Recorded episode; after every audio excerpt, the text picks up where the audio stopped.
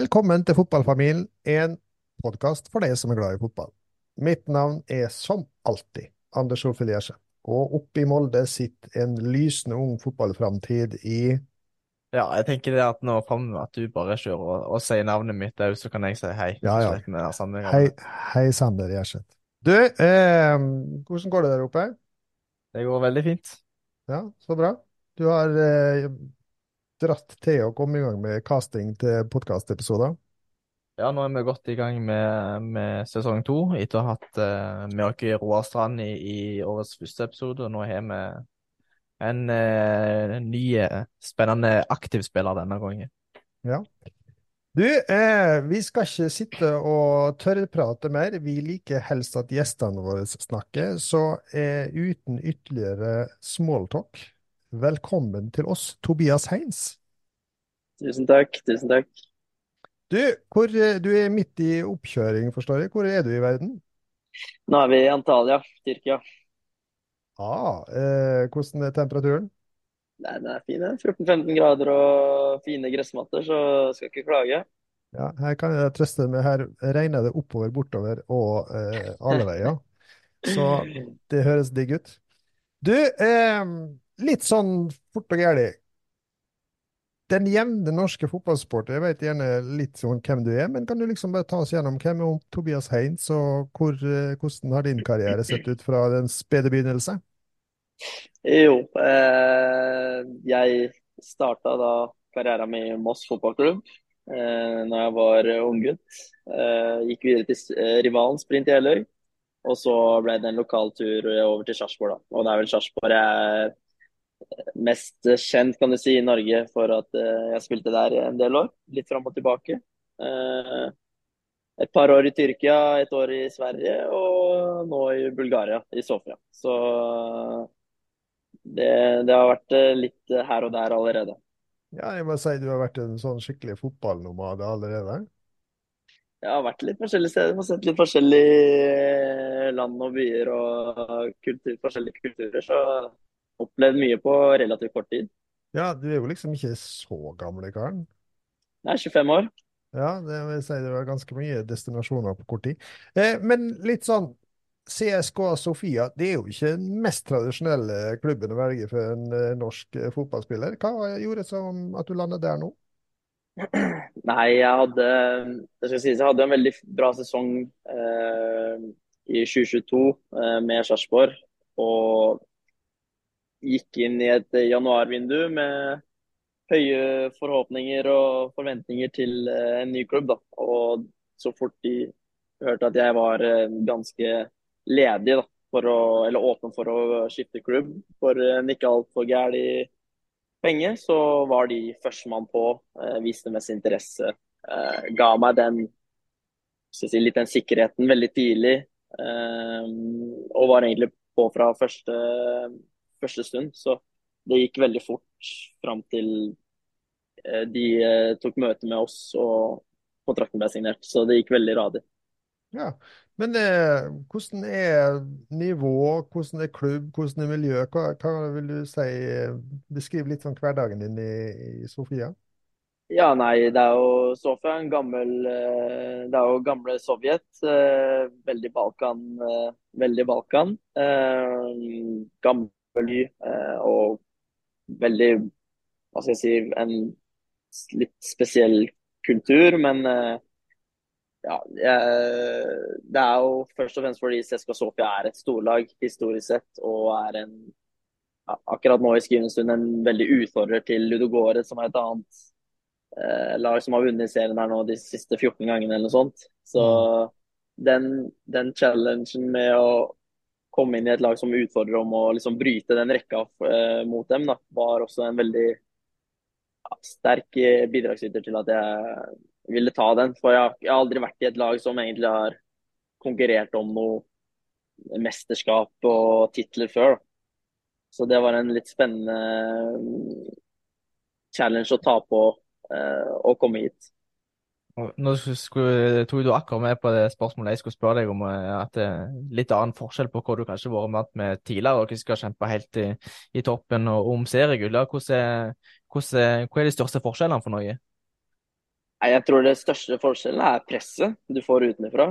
Eh, Det er ganske Alle de klubbene jeg har vært i tidligere, i Sarpsborg, Kasimpasa, Hekken, har vært, eh, har vært veldig ja, Ikke noe press utenfra, ikke noe forventninger at, eller krav om at du skal være så så god eller så så høyt oppe. Eh, Og her er det beinhardt. Her skal du utfordre om tittelen, og du skal være veldig nære. Og egentlig skal du vinne. Eh, Så det, og det har jeg merka veldig på byen eh, og fansen og alle folk utenfra og innenfra Seska. At det er bare én tankegang, og det er å vinne. Vinne, vinne, vinne, vinne. vinne. Og du skal vinne alt. Eh, Så det er, det er største forskjellen, at eh, det er en er et massivt press utenfra, da, kontra det jeg har vært eh, det jeg har opplevd tidligere. Ja, er det, er dette noe du trives med med her, presset? Ja, jeg, jeg liker det. Det får meg til å tenke litt annerledes. Egentlig helhet.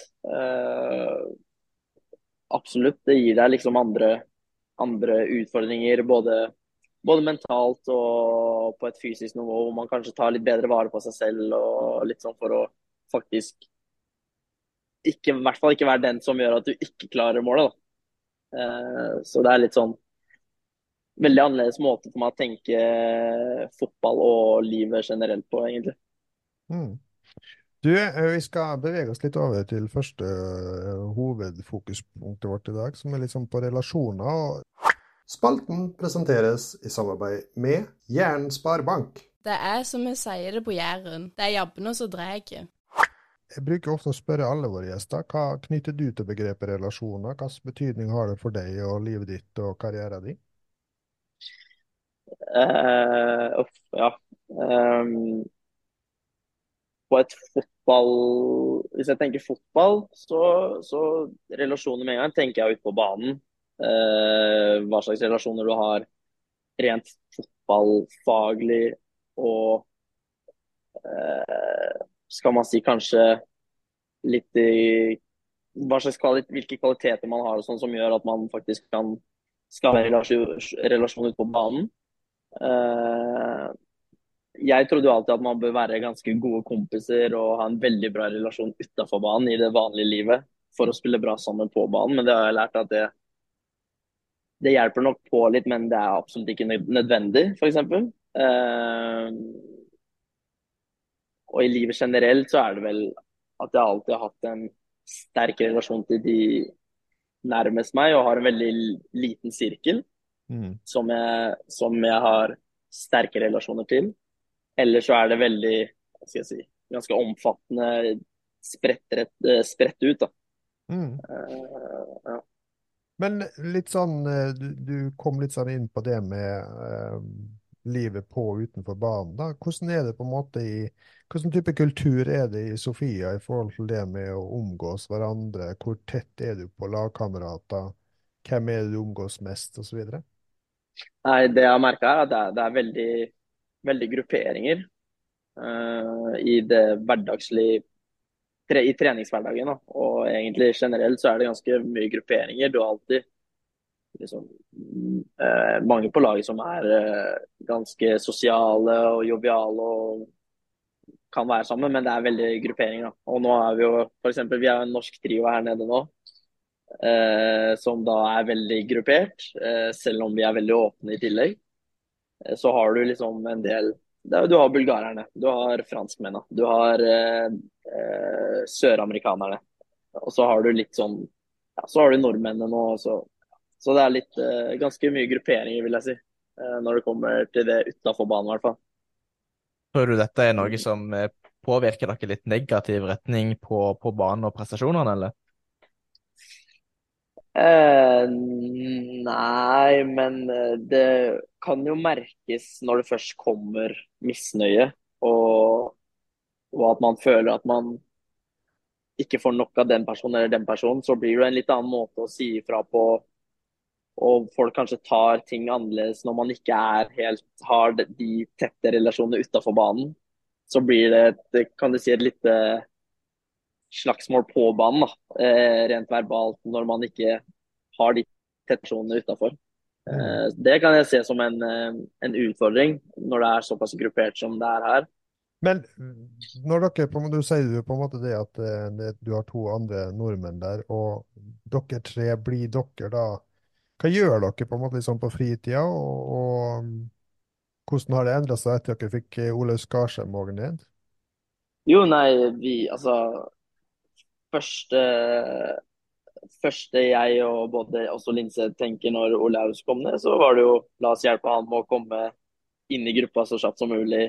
Eh, få bosatt seg ordentlig, sånn at familie og venner og alt mulig kan komme ned når de så fort som mulig. At han føler seg hjemme eh, relativt fort, da. Eh, så at det er litt lettere å komme inn i det med en gang. For det var også en stor del av eh, grunnen til at jeg også valgte å komme hit såpass kjapt og ikke tenke for mye, var at Linseth også allerede var her. Så du får veldig mye informasjon derfra og hjelp.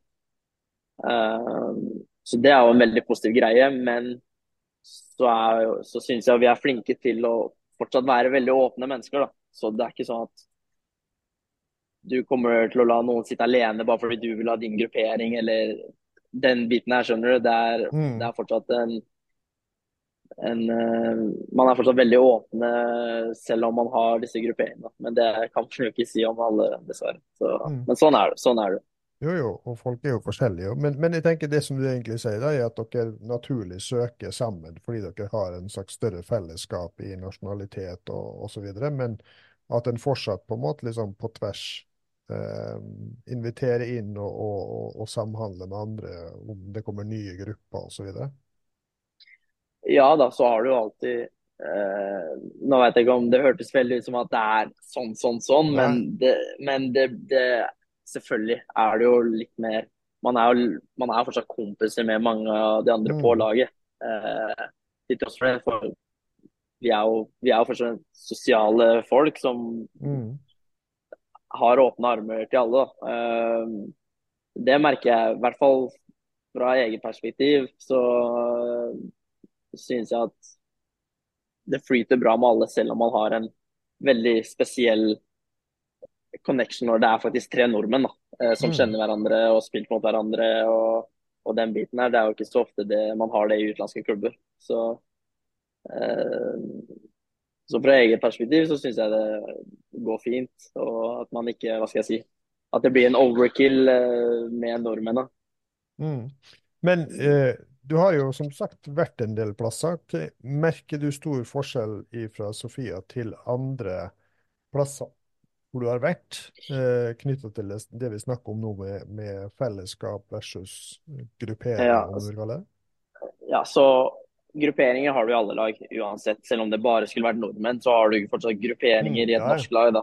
Eh, men selvfølgelig tar du, tar du Sofia og Kasimpasa kontra Hekken i Göteborg og Sarpsborg, så er det store sosiale forskjeller når det kommer til at man gjør mer ting sammen, rett og slett, når man, eh, når man er i Skandinavia. Eh, det merka jeg veldig på. Så fort jeg kom til Sverige, så var det OK, nå skal vi ut og spise middag sammen. Du, jeg og syv-åtte andre spillere, så blir vi litt mer kjent med en gang. Eh, mens her er det egentlig bare at du faktisk blir kjent på treningsanlegget. Eh, og ikke noe særlig annet enn det. Mm. Så jeg merker at man er veldig eh, knytta til få personer på laget utafor banen. Eh, å si sånn. Ja. Du, det er en sånn morsom saying som sier dess lenger bort fra ekvator, dess mer innovervendt og, og individualistisk blir en. Eh, det er jo egentlig litt sånn motsatt du beskriver. da, Skandinaver vi er jo litt sånn, vi sitter jo ikke ved siden av andre på bussen hvis ikke vi må. Men klubbme klubbmessig så høres det ut som det er egentlig litt sånn motsatt. Ja, jeg, ja jeg, altså, fra, fra mine erfaringer så er det jo ganske klink motsatt. Ja. Eh, veldig. Um, for jeg, jeg følte en mye mer kompisgjeng i, i, eh, i Sverige og i Norge kontra Tyrkia og, og nå i Bulgaria. Mm. Eh, så ja. Spennende. Du, eh, vi skal liksom bevege oss litt videre og, og snakke litt om motivasjon. fordi at du hadde jo en sånn komet inngang i norsk fotball, sånn som jeg husker. I hvert fall når jeg begynte en gammel mann, så jeg kan ikke si jeg husker alle detaljer like godt. Men jeg husker tilbake i 2016-2017 et eller annet sted, så husker jeg det kom en ung eh, Tobias Heinz, og det jeg husker spesielt, var at du herja noe grønnjævlig med Molde, blant annet. Eh, hva, hvordan var det på en måte litt sånn å komme som et sånt friskt vindpust inn i å ta eh, Eliteserien den gangen med storm? Ja, nei, jeg, hus jeg husker jo eh, egentlig hele den tida mi fra da juniorlaget i Sarpsborg og hele veien opp til faktisk Eliteserien og bli en, en figur, da. Eh, og det var vel ja, 2016 hvor jeg debuterte i Eliteserien. Eh, først mot Lillestrøm hjemme, og så skårte jeg faktisk mot Bodø-Glimt bare et par kamper senere, og da er man liksom opp imellom. Tenk, du går fra Jeg husker jeg gikk fra skåre mot Bodø-Glimt etter to minutter i uh, eliteseriedebuten fra start, mm. til neste helg og måtte spille NM-kamp for uh, juniorlaget, liksom. Så mm. litt sånn opp og hoppe imellom nivåer. Mm. Eh, og det husker jeg var en tøff fase, fordi da tenkte jeg at nå er jeg kommet for å bli, men så blir man fortsatt brukt litt forskjellig. Mm. Eh, men jeg husker veldig under Geir Bakke som trener da i Sarpsborg at det var utrolig vanskelig som unggutt å komme gjennom. Eh, for der var, det, der var det voksne mannfolk som skulle spille, spille. Og ha en spillestil som var veldig fysisk og krevde veldig mye. Så jeg, heldigvis så knakk jeg en kode relativt fort eh, som gjorde at jeg fikk det ordentlige gjennombruddet mitt i 2017. da. Eh, hvor, hvor, det var Du må legge på, legge på litt, et par kilo til med muskler, og du må bare løpe ræva av deg i offseason når alle andre har fri. Sånn at du mm. kommer tilbake og viser at du skal i hvert fall være en konkurrent. Um, så det var en, eh, en si en tøff periode, men jeg så meg aldri bakover, liksom. Jeg hadde bare ett mål som jeg hadde bare tunnelsyn på. Mm. Men når du da på en måte eh, sier Du gjorde jo kometkarriere, som sagt. Det var ikke lenge du eh, trådde dine sko i Sarpsborg før du eh, ble kjøpt opp og reiste til Tyrkia. Hvor, det er jo en veldig sånn kometkarriere på mange måter. Det, du tar steg veldig raskt. Hvordan eh, var det å komme til Tyrkia etter å ha hatt så mye oppmerksomhet og medgang på måte sånn på kort tid? det kom som egentlig en stor storm. Det var, alt gikk bare så fort. Eh, mm. etter, å, etter, å, ha hatt to veldig gode sesonger i Sarpsborg med Europa og hele pakka. Og så fikk, jeg, jeg, jeg, følte jeg aldri hvis det går an å si at jeg rakk å stabilisere meg på et høyt eliteserienivå før jeg allerede forsvant. da. Mm. Fordi man, man, kanskje så at det var et potensial der. Eh, så var det også veldig, veldig sånn at når jeg først spilte mot Besiktas i Europaligaen, så naturlig kommer det tyrkisk interesse. Eh, og veldig, de er veldig direkte og veldig hva skal jeg si, kraftfulle i måten mm. de gjør ting på. Kontra disse, ja, disse ulike klubbene fra Nederland, fra Belgia, fra ja, litt mer eh, hva skal jeg si, den A4-stilen å, å, gå i fotballverdenen. Mm. Eh, og det tok meg litt med storm. I, som unggutt så kom jeg jo litt, litt, med et navn fordi jeg hadde nesten senka og besikta seg alene. Mm. Eh, og der Jeg skjønte bare ikke hvordan gamet var i utlandet. Jeg var litt for ung eh, til å helt forstå det. Jeg tenkte jo opplevelsen, fotballkulturen i Tyrkia som er helt spinnvill. Du har fem Istanbul-lag, du har derbyer annenhver uke. Eh, de elsker fotball, de er gærne. Eh, og det var den, den jeg hadde igjen tunnelsyn på. Eh, og skjønte ikke helt at hvis ting plutselig ikke skulle gått så bra, så, så går det virkelig ikke bra. ikke sant? Mm. Det er ikke sånn at man eh, blir tatt noe ekstra godt vare på, eller eh, at man har en klar plan for Sånn som hvis du hadde dratt til Nederland, så OK, nå starter du med å trene, og så kommer det til innhopp, og så kommer det til start, og så går du kanskje litt ned igjen. Liksom, at man har en plan på ting. Og Der var det veldig ut, vis hva du kan. Er du ikke bra nok de to-tre første kampene, det tar lang tid for deg å komme tilbake igjen. Litt sånn, da. Eh, så ja. Hva var tankene dine når du eh, Oppi de, liksom, mens du var i Tyrkia, hva var tankene til en, en ganske ung Tobias Sainz? Nei, den eh, Det var en, en veldig mental prøve. Jeg, jeg sa det før, idet jeg signerte, egentlig, at klarer jeg meg her, så klarer jeg meg hvor som helst. I hvert fall rent mentalt. Og det var to tøffe, tøffe år med lite spilletid og eh, litt utlån her til Sarpsborg tilbake igjen i 2020. og liksom at man, Hver gang man kom tilbake fra Da var jeg også på U21-landslaget. Hver gang jeg dro på U21-landslaget, kom tilbake, så bare merka man at man ble ikke tatt seriøst lenger. Mm. Du går fra å være en viktig figur på U21-landslaget til å, å hoppe tilbake, og så er det ingen som bryr seg om deg. Eh, og den vekslinga var veldig, veldig tøff mentalt. Um, litt vanskelig, vanskelig å si hva man kanskje kunne gjort annerledes der og da, men det er litt sånn Det var bare en vanskelig situasjon å være i, og man prøvde det man kunne med litt utlån her og uh, gjøre det man kan på trening. Men for å si det sånn, da, jeg hadde jo seks trenere på ett og et halvt år med tyrkisk Så man kan jo tenke seg hvordan, hvordan det går som en berg-og-dal-bane med igjen relasjoner til treneren og litt sånn, ikke sant. Så Mm.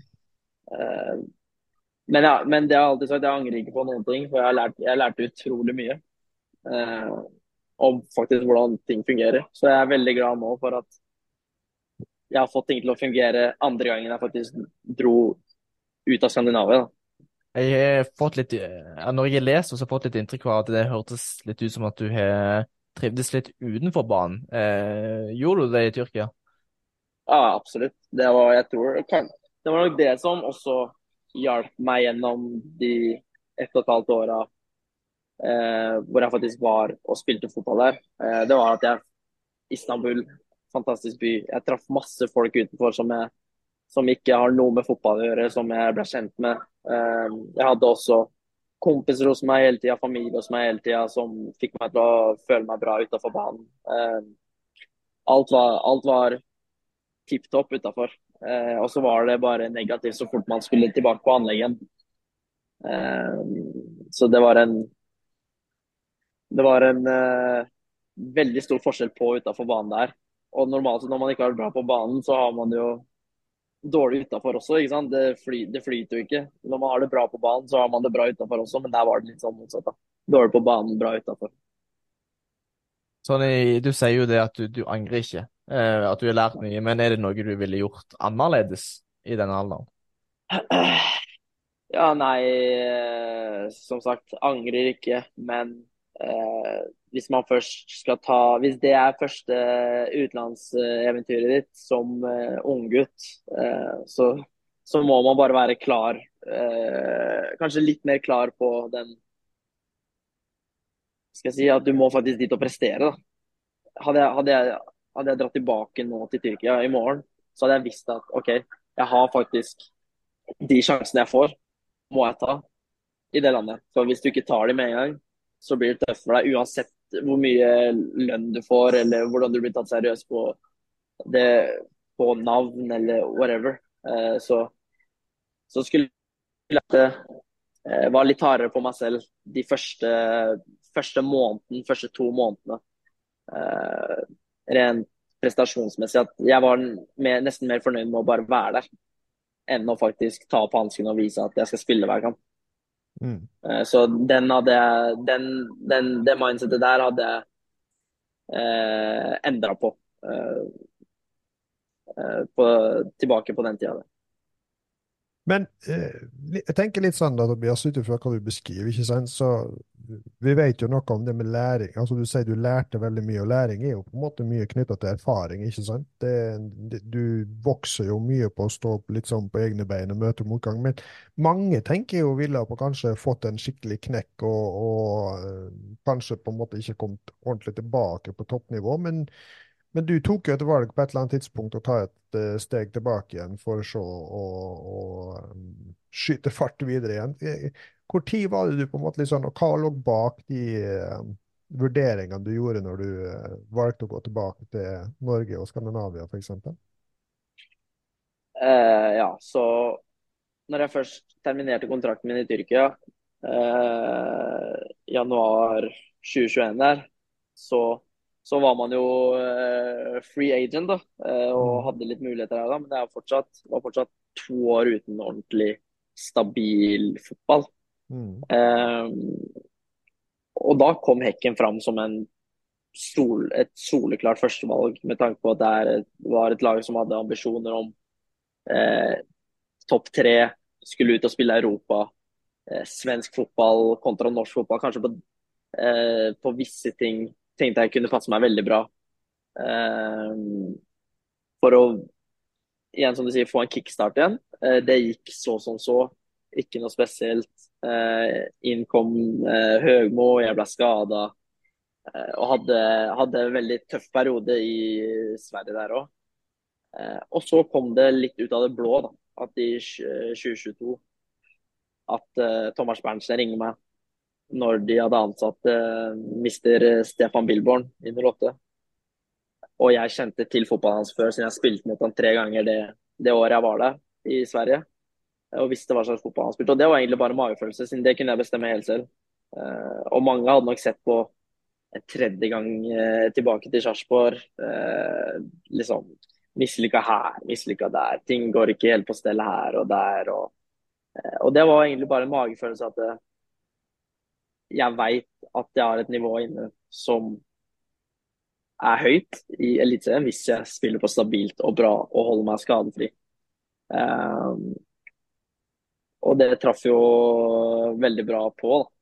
Traff jeg veldig Mm. bra på. Så jeg har alltid, jeg har alltid sagt opp, eh, opp igjennom når jeg har blitt intervjua eller vært på podkaster, at det beste valget jeg tok i karrieren min, var når jeg faktisk turte å gå fra Moss til sprint. Men nå, sett over ett, så er uten tvil det beste valget jeg har tatt, er å stole på magefølelsen og gå tilbake til Sarpsborg, selv om kanskje til og med serpingene hadde gått litt lei meg, liksom. Eh, og faktisk ta en siste sjanse der. For hadde det ikke gått kanskje like bra som det gjorde, så kanskje jeg fortsatt hadde vært i Eliteserien nå, da. Kanskje til og med for et annet lag, hvem vet. Eh, så det var en magefølelse jeg er glad for at jeg stolte på. Mm.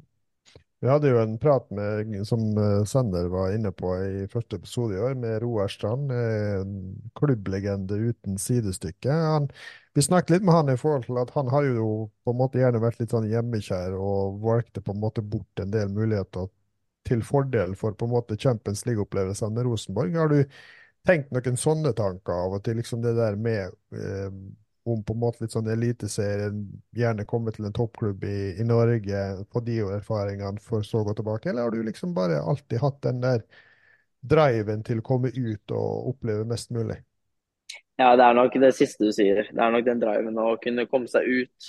Eh, oppleve det å være den Oppleve denne utenlandsproff-drømmen. Eh, Og bare på få sett litt forskjellige steder, litt forskjellige kulturer. Eh, jeg, altså jeg elsker Eliteserien. Jeg syns norsk fotball er kjempekult. Kul fotball, går fort i lengderetning, mye mål, mye kaos. Kjempekul liga. Men jeg har alltid hatt den at jeg vil ut og utforske, da. Eh, Mm. og vært så heldig å bodd i kule byer eh, allerede. Og håper å kunne bo i andre kule byer etter hvert, hvem vet. Så eh, bare litt den, litt den å komme til noe helt nytt. Eh, hvor du liksom aldri vet hva som kan skje. Eh, og ha litt den spenningen, det, det liker jeg også. Men så har det jo absolutt vært en sånn Jeg kunne i utgangspunktet aldri sett for meg spilt for et annet lag i Norge enn Sarpsborg, fordi det er liksom der jeg er vokst, typ, vokst opp med fotballen. Mm. Eh, og det var jo, det var jo liksom Sarpsborg også veldig ivrig på å vite når jeg først skulle hit da, til eh, Bulgaria, at uh, du tenker ikke å dra til andre norske klubber, sant? Så Mm. bare sånn at vi vet det, vi, det, det kan vi ikke la skje. Vi, du, Mm. du, du skal være hos oss hvis du først skal spille i Norge. Og den feelingen har jeg egentlig hatt hele tida, jeg òg. så ja, syns absolutt det er kult å komme seg litt ut i verden og utforske. Hvis jeg kan skråke bitte litt tilbake igjen. Eh, når du er i Sarpsborg der i, i den eh, gode sesongen, det er jo sikkert eh, din beste sesong i, i karrieren hit. Hvordan er det liksom det når du liksom kjenner på det at endelig så har du knekt en kode, på en måte, og, og det begynner å levere, og det går litt på skinner. Hvordan, hvordan er, det det føles? Det Uff, det er eh, Man kan ikke si noe annet det, det var den beste feel, eh, feelingen jeg har hatt. Det var det beste året jeg har hatt. Eh, ting klikka bare. Eh, trener, filosofi, rolle, eh, medspillere, by. Alt mulig. Liksom, alt, alt klikka det året. Eh, flyt her og der. Eh, og det ble en veldig ble en veldig skal jeg si, litt sånn emosjonell sesong også, fordi jeg som sagt, jeg kom dit som 16-åring. 15-16-åring. Eh, spilte jeg sammenlagt fem år og har et emosjonelt forhold til klubben. og tar da skåringsrekorden i, i klubben og målpoengrekorden i klubben på det året. Som gjorde Først når jeg gjorde det, så fikk det meg til å se på det litt annerledes enn at jeg måtte liksom ta et steg tilbake og faktisk tenke på hva jeg gjør her. da. At jeg faktisk nyter det, enn at det bare går, går forbi meg for fort. Um, så det var veldig Selv om laget ikke gjorde det helt fantastisk, så hadde jeg min, min beste sesong og ja, levde virkelig et godt liv det året, året der. Hvor eh, tidlig Du sier at du er liksom gira på det å komme deg ut og utforske nye eventyr og sånn, og, og hvor fort kommer da tankene om at eh, du da kan få et nytt eh, eventyr? Ja, nei eh, det, det kom jo egentlig eh, underveis i sesongen, egentlig, så tenkte jeg her, her, jeg gode, her kan jeg ha gode muligheter. Eh, for jeg veit at om det er sånn at jeg sitter med gode kort på hånda eh, i forhold til prestasjoner og målpoeng og alt det her, når sesongen er ferdig, så veit jeg at selve kontraktsituasjonen min var veldig fin. Fordi jeg satt imellom to klubber som begge ville ha meg og selge meg videre. Eh, fordi det var mitt ønske. Begge, begge hadde jo garantert også beholdt meg hvis jeg hadde sagt 'jeg vil bli'. Men det var ønsket, og da visste jeg hele tida gjennom i hvert fall de seks siste månedene da, at her er gode muligheter. Og det litt i bakhodet, selv om man ikke man, Jeg tenker ikke for mye på det, men jeg tenker at det kan ligge en gulrot der hvis jeg holder meg skadefri, fortsetter å fokusere på å gjøre det bra og den biten der. Eh, Så det kom litt sånn litt sånn glimt underveis, hvis jeg kan si det sånn, da. Eh, på at man, man tenker plutselig litt for langt fram i tid kontra, kontra her og nå. Da. Mm. Men eh, jeg tror nok det er mange i Sarpsborg som vil sette stor pris på å høre at eh, klubbfølelsen og tilhørigheten er intakt. Det kan jeg iallfall si. Det er ingenting vi fotballsupportere liker bedre enn det. Eh, selv om vi gjerne skulle sett det i Molde-drakt. Men, eh, men jeg tenker litt sånn, hvordan er supporterne i, i Bulgaria og forholdet til de? Jo, de er, de er eh, De er et eget uh, folkeslag, de, holdt jeg på å si. De er uh, helt spinnville. De er klin gærne. Uh, de lager et leven uten like. Og eneste jeg syns er kjipt med at det er litt for mye overtenning til tider, er at kampene her blir stoppa veldig mye. På grunn av bluss og bli, hele banen blir røyklagt. Eh, Vi spilte nå siste kamp mot Ludogorets før ferien. Det var siste kampen. Siste kampen på denne stadion også. Fullstappa, par og 7000 eh, gærninger. Og jeg tror det ble lagt til nesten en halvtime med tilleggstid. Jeg tror det var sånn 25 minutter eh, etter 90 og sånn typ 5-6 minutter eh, fra 45. da. Mm. Det er det eneste. Det, kan, det går litt eh, Det går litt for langt noen ganger. Eh, men her er det også at du gjør deg litt fortjent til kaoset. Hvis du, hvis du begynner å underprestere, Mm. kommer det færre og færre. Ja.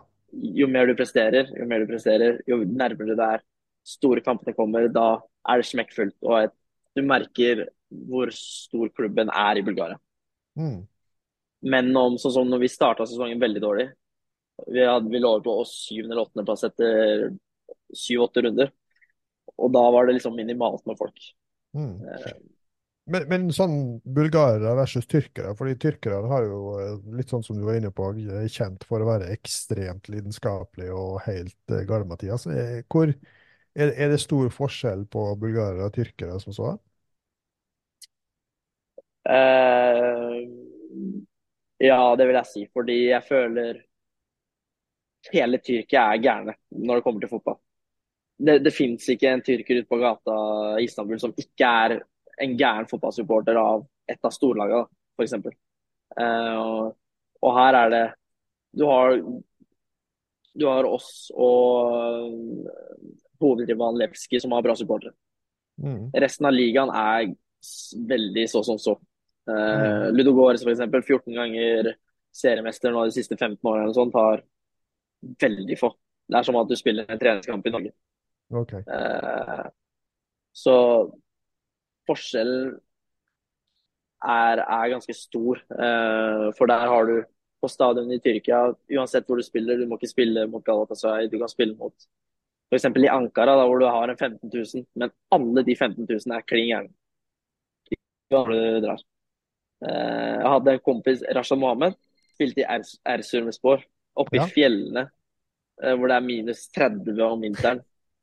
Og hvilket som helst et møkkalag kunne komme til de mens de fortsatt var i øverste divisjon, og han sa at ja, men det er 12 000 gærninger uansett. Så der, er, der tror jeg forskjellen er eh, at uansett hvor du drar i Tyrkia på hvilken som helst kamp, så er det et uh, leven uten like. Det er passion, med andre ord. Jeg tenker litt sånn eh, Det som jeg liksom var litt nysgjerrig på du, å spørre deg om, var liksom som ung spiller å komme ned til gærne Tyrkia og møte motgang. da. Hvor, eh, hvor mye på en måte sånn var du klar over det med mental styrke, mentalitet? altså hva, Hvordan var du forberedt på det som kom da? Det hele starta med at før jeg dro, før jeg dro ned, så var jeg allerede litt sånn skrudd på mentalt at det kan bli tøft. Du vet aldri. Det er helt, helt nytt. Storby.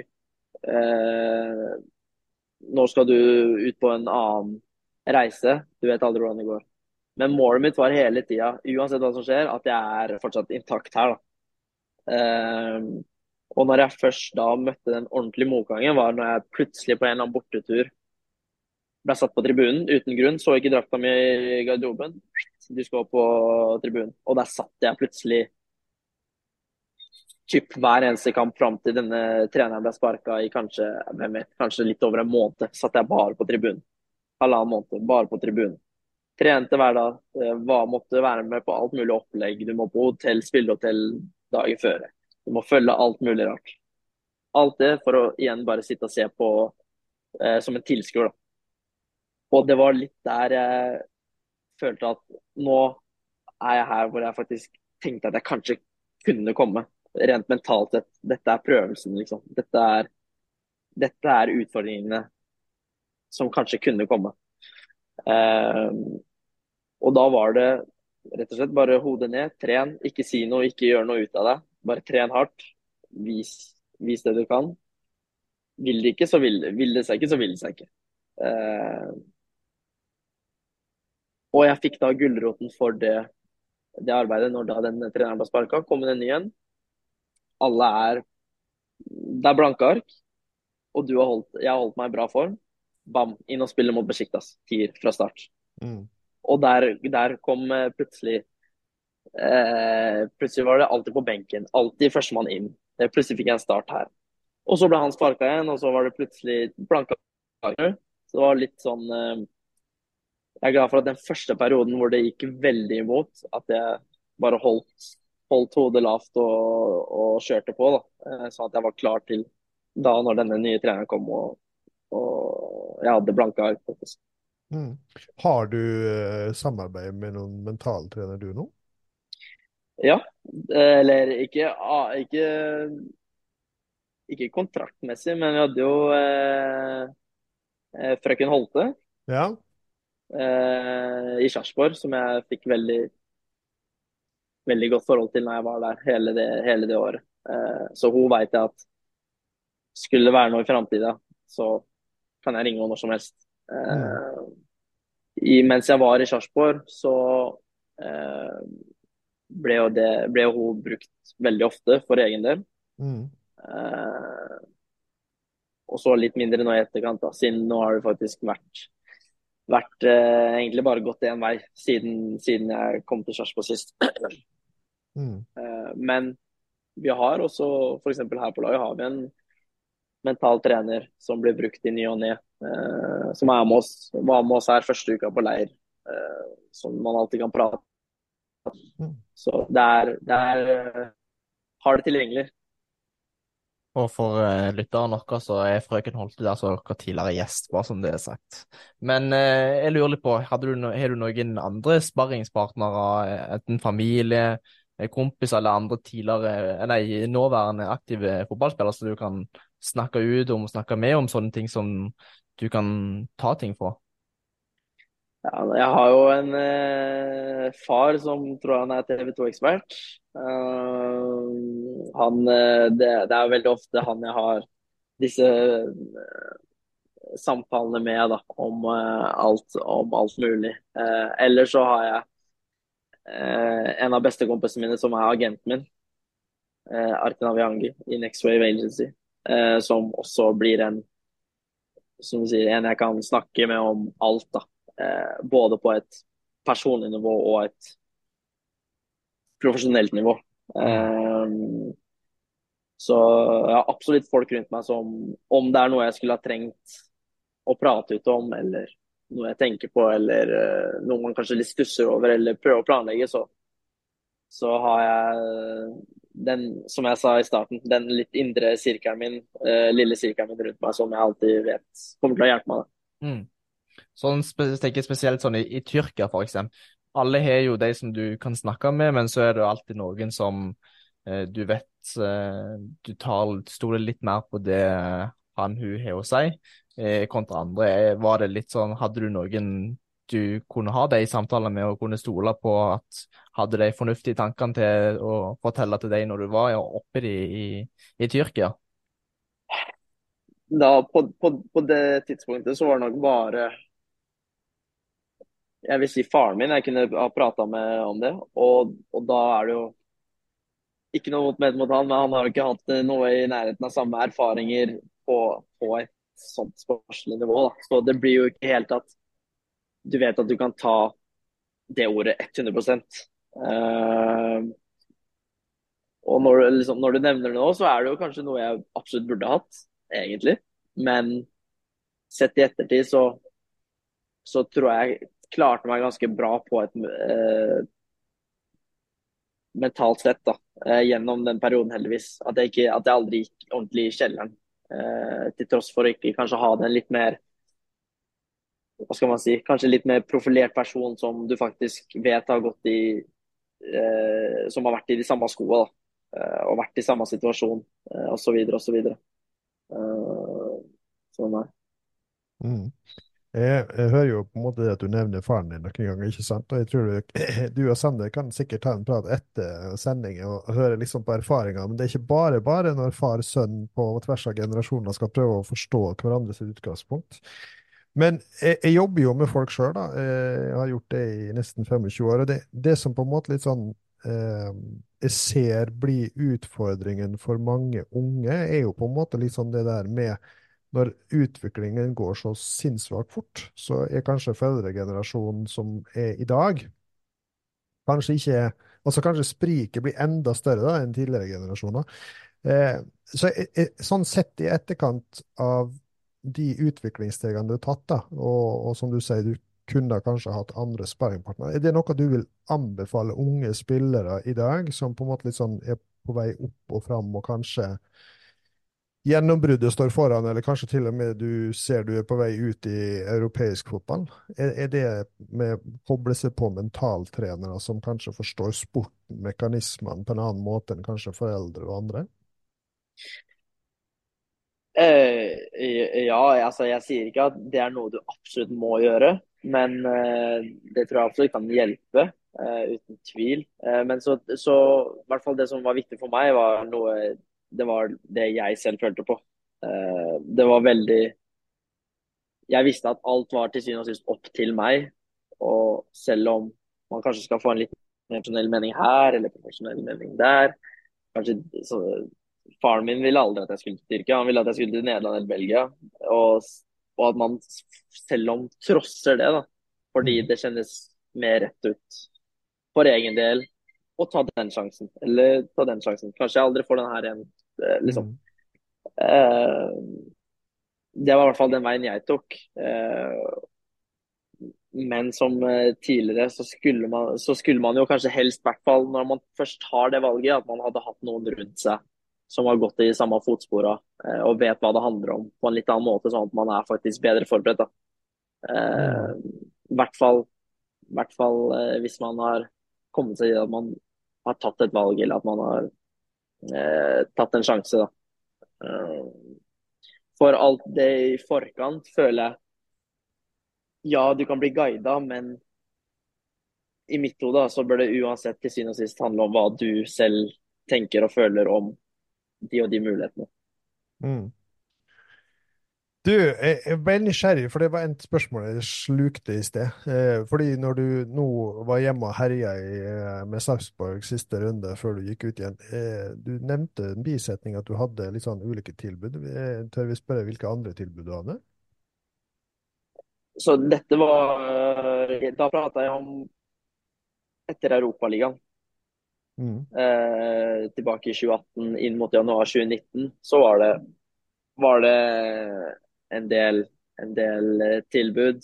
Eh, eller kanskje ikke så mange tilbud, men veldig mye interesse som Mm. hadde blitt aktuelt hvis jeg selv hadde sagt det hørtes bra ut. Mm. Eh, for, ja, uten å egentlig kanskje helt se det selv, så hadde, sånn, litt sånn, så hadde jeg blitt såpass heit såpass fort. da. Mm. Uh, det sto Det sto Siste dagen jeg eh, signerte, når jeg først valgte Kasipasa og Tyrkia, så sto det mellom uh, Vitesse Problemet der var at uh, de ville hente meg da den januaren, men låne meg ut til Sarpsborg. Og så at jeg skulle komme tilbake igjen i sommeren, for Martin Ødegaard var der samtidig. Uh, da spilte han i den rollen de kanskje kunne sett for, meg, sett for seg meg som erstatter. Da. Eh, Ja. Og da ble følelsen med en gang Hvorfor ikke nå? Skjønner du? Jeg var litt Mm. mer sånn det er kanskje, Dette er kanskje muligheten min til å dra utenlands. Kanskje jeg aldri får den igjen. Jeg, jeg, jeg vil ut med en gang.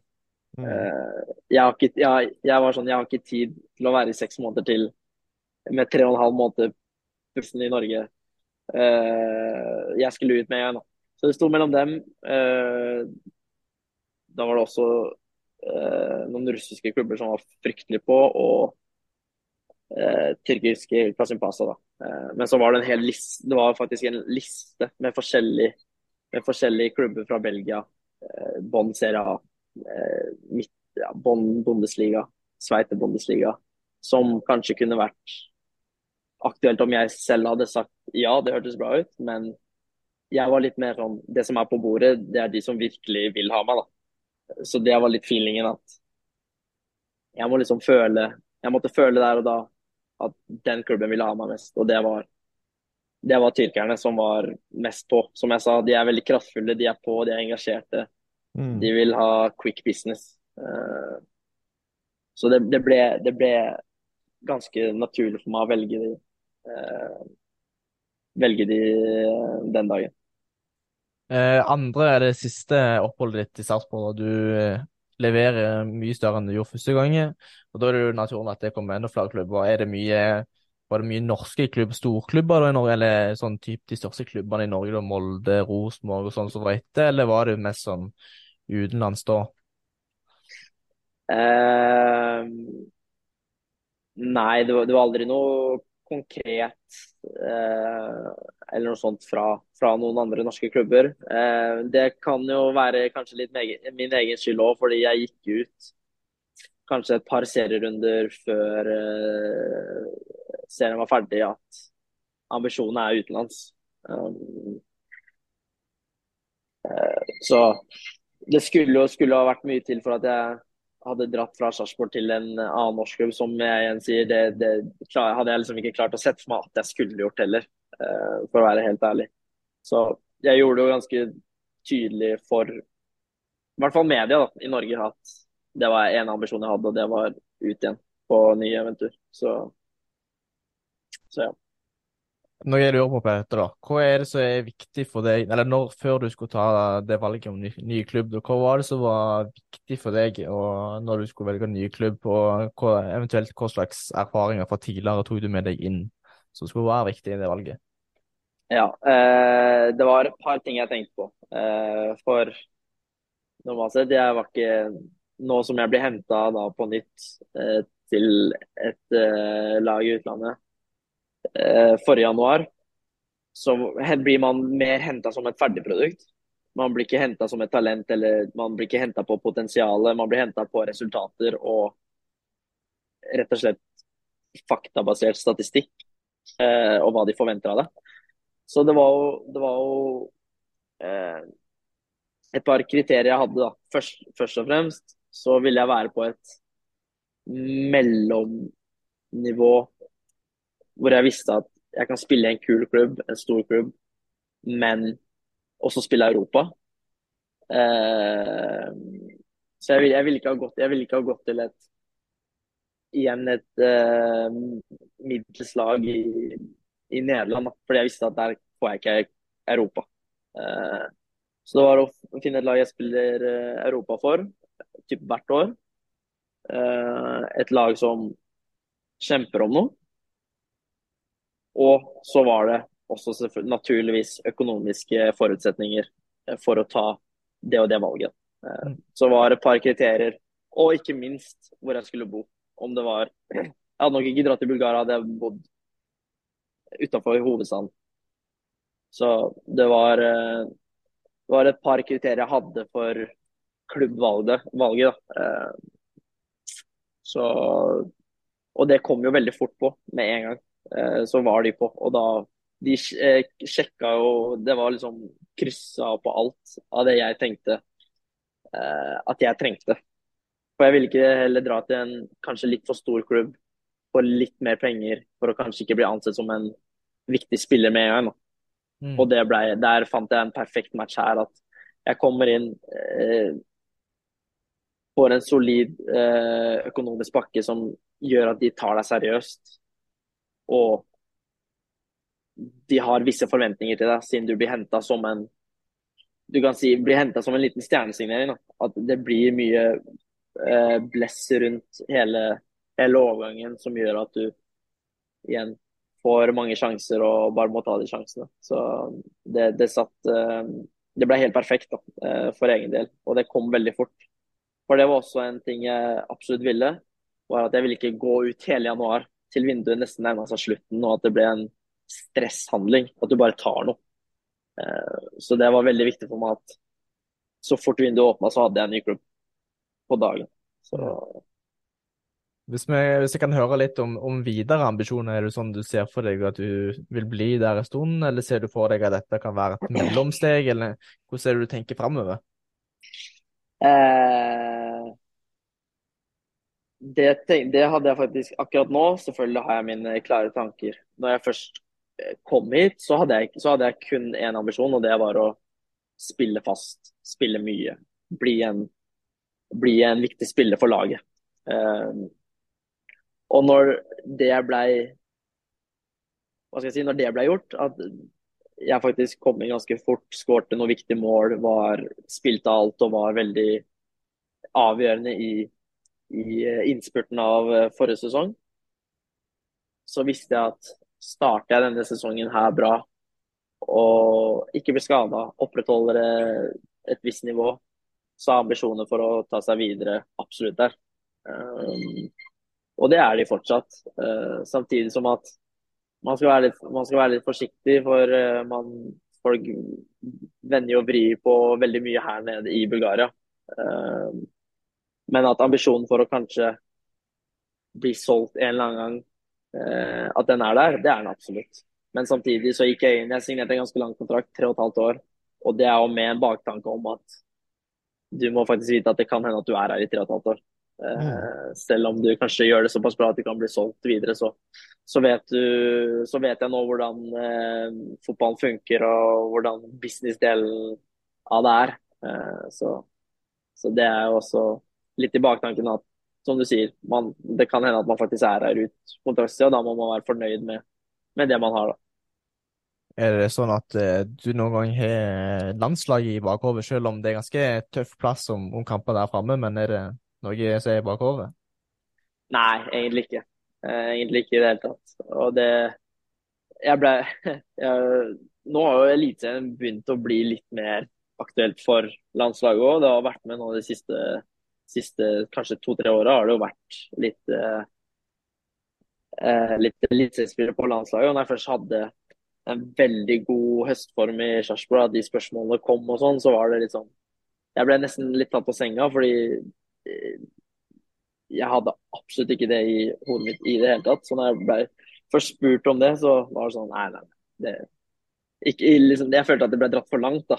Bare fordi jeg hadde hatt eh, syv-åtte eh, veldig bra kamper og skåret mye mål, så skulle man plutselig bli dratt inn i en diskusjon. da. Uh, så det har jeg, har jeg, absolutt ikke hatt, for å være helt ærlig.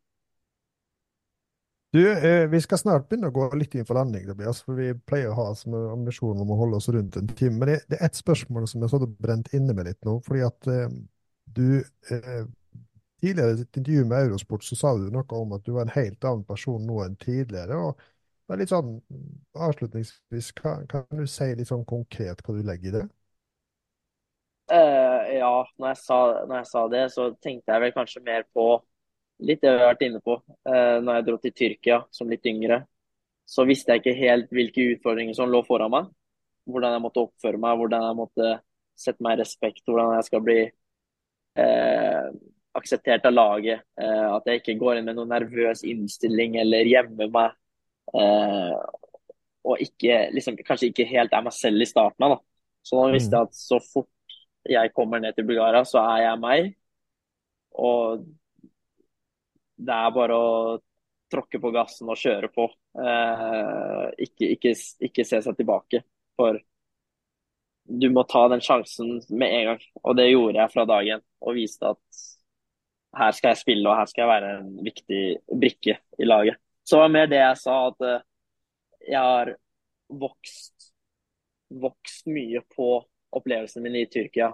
Når jeg da nå fikk denne nye muligheten i utlandet i, i, uh, i Bulgaria, da, hvor det er Hva skal jeg si? Kanskje litt, litt samme, litt samme forutsetninger, for, eh, forventninger til meg. At jeg skal inn og, inn og levere. Mm. Eh, så det var nok eh, mer det det gikk på. Også i tillegg så tankegangen min har endret seg veldig fra når jeg var i Tyrkia til kontra nå. Eh, på, på, livet sett over ett, da, generelt sett. Litt mer planlegging, litt mer At man ikke må være overalt hele tida. At man ikke må mm. være med på absolutt alt. Eh, og heller bruke tida litt bedre. Så, så det er nok de største forskjellene fra, som jeg mente med det. Du vet, livet må leves forlengs og forstås baklengs. Jeg tror det, du er ikke den første som har gjort denne erkjennelsen.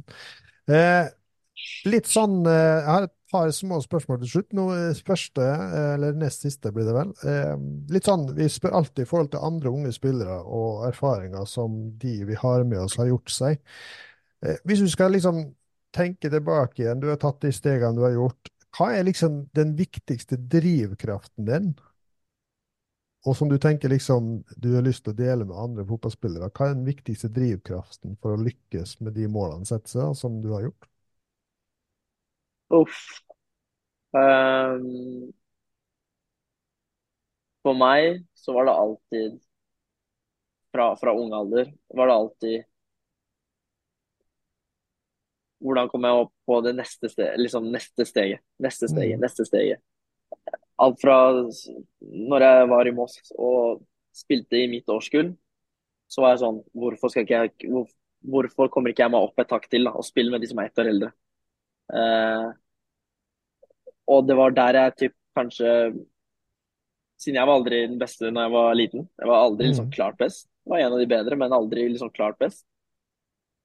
Og jeg så hele tida mulighetene for å ta ett steg til, da. Uh, og så gikk jeg til rivalen sprint, siden der fikk jeg faktisk spille ett år høyere. Med litt mer uh, At folk er litt raskere, litt sterkere, litt smartere. Alt det Mm. der. Uh, og så hele, jeg lagde meg hele tida små mål for å ta det neste steget, da.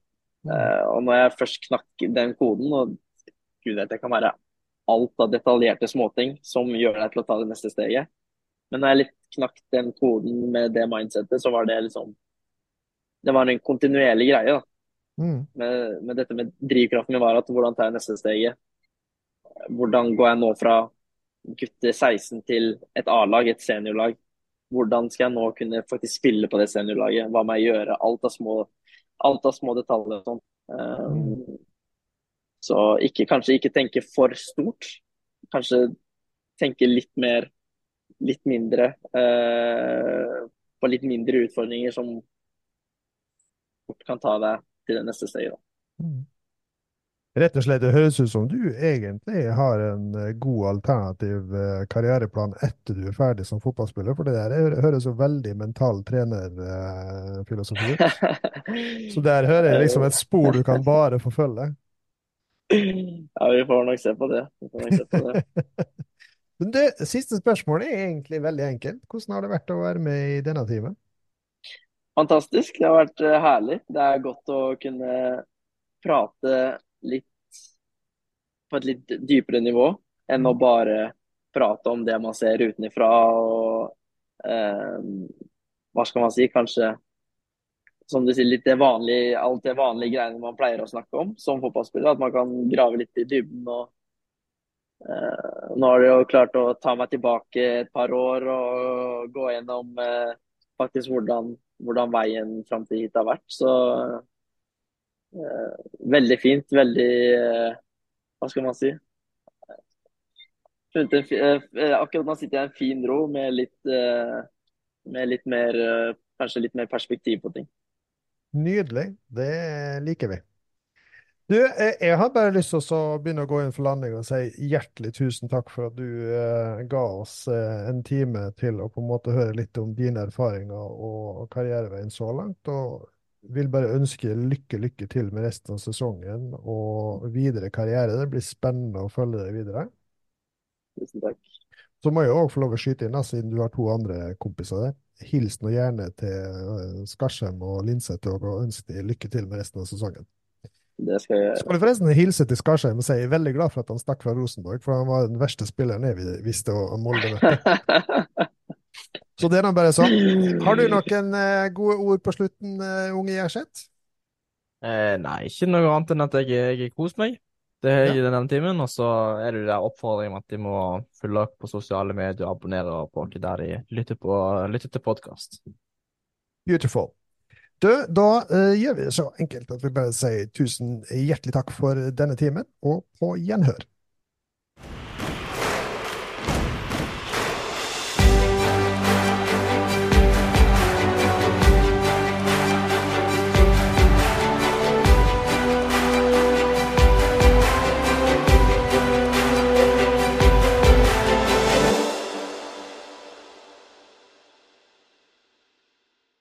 Fotballfamilien ble presentert i samarbeid med Jæren Sparebank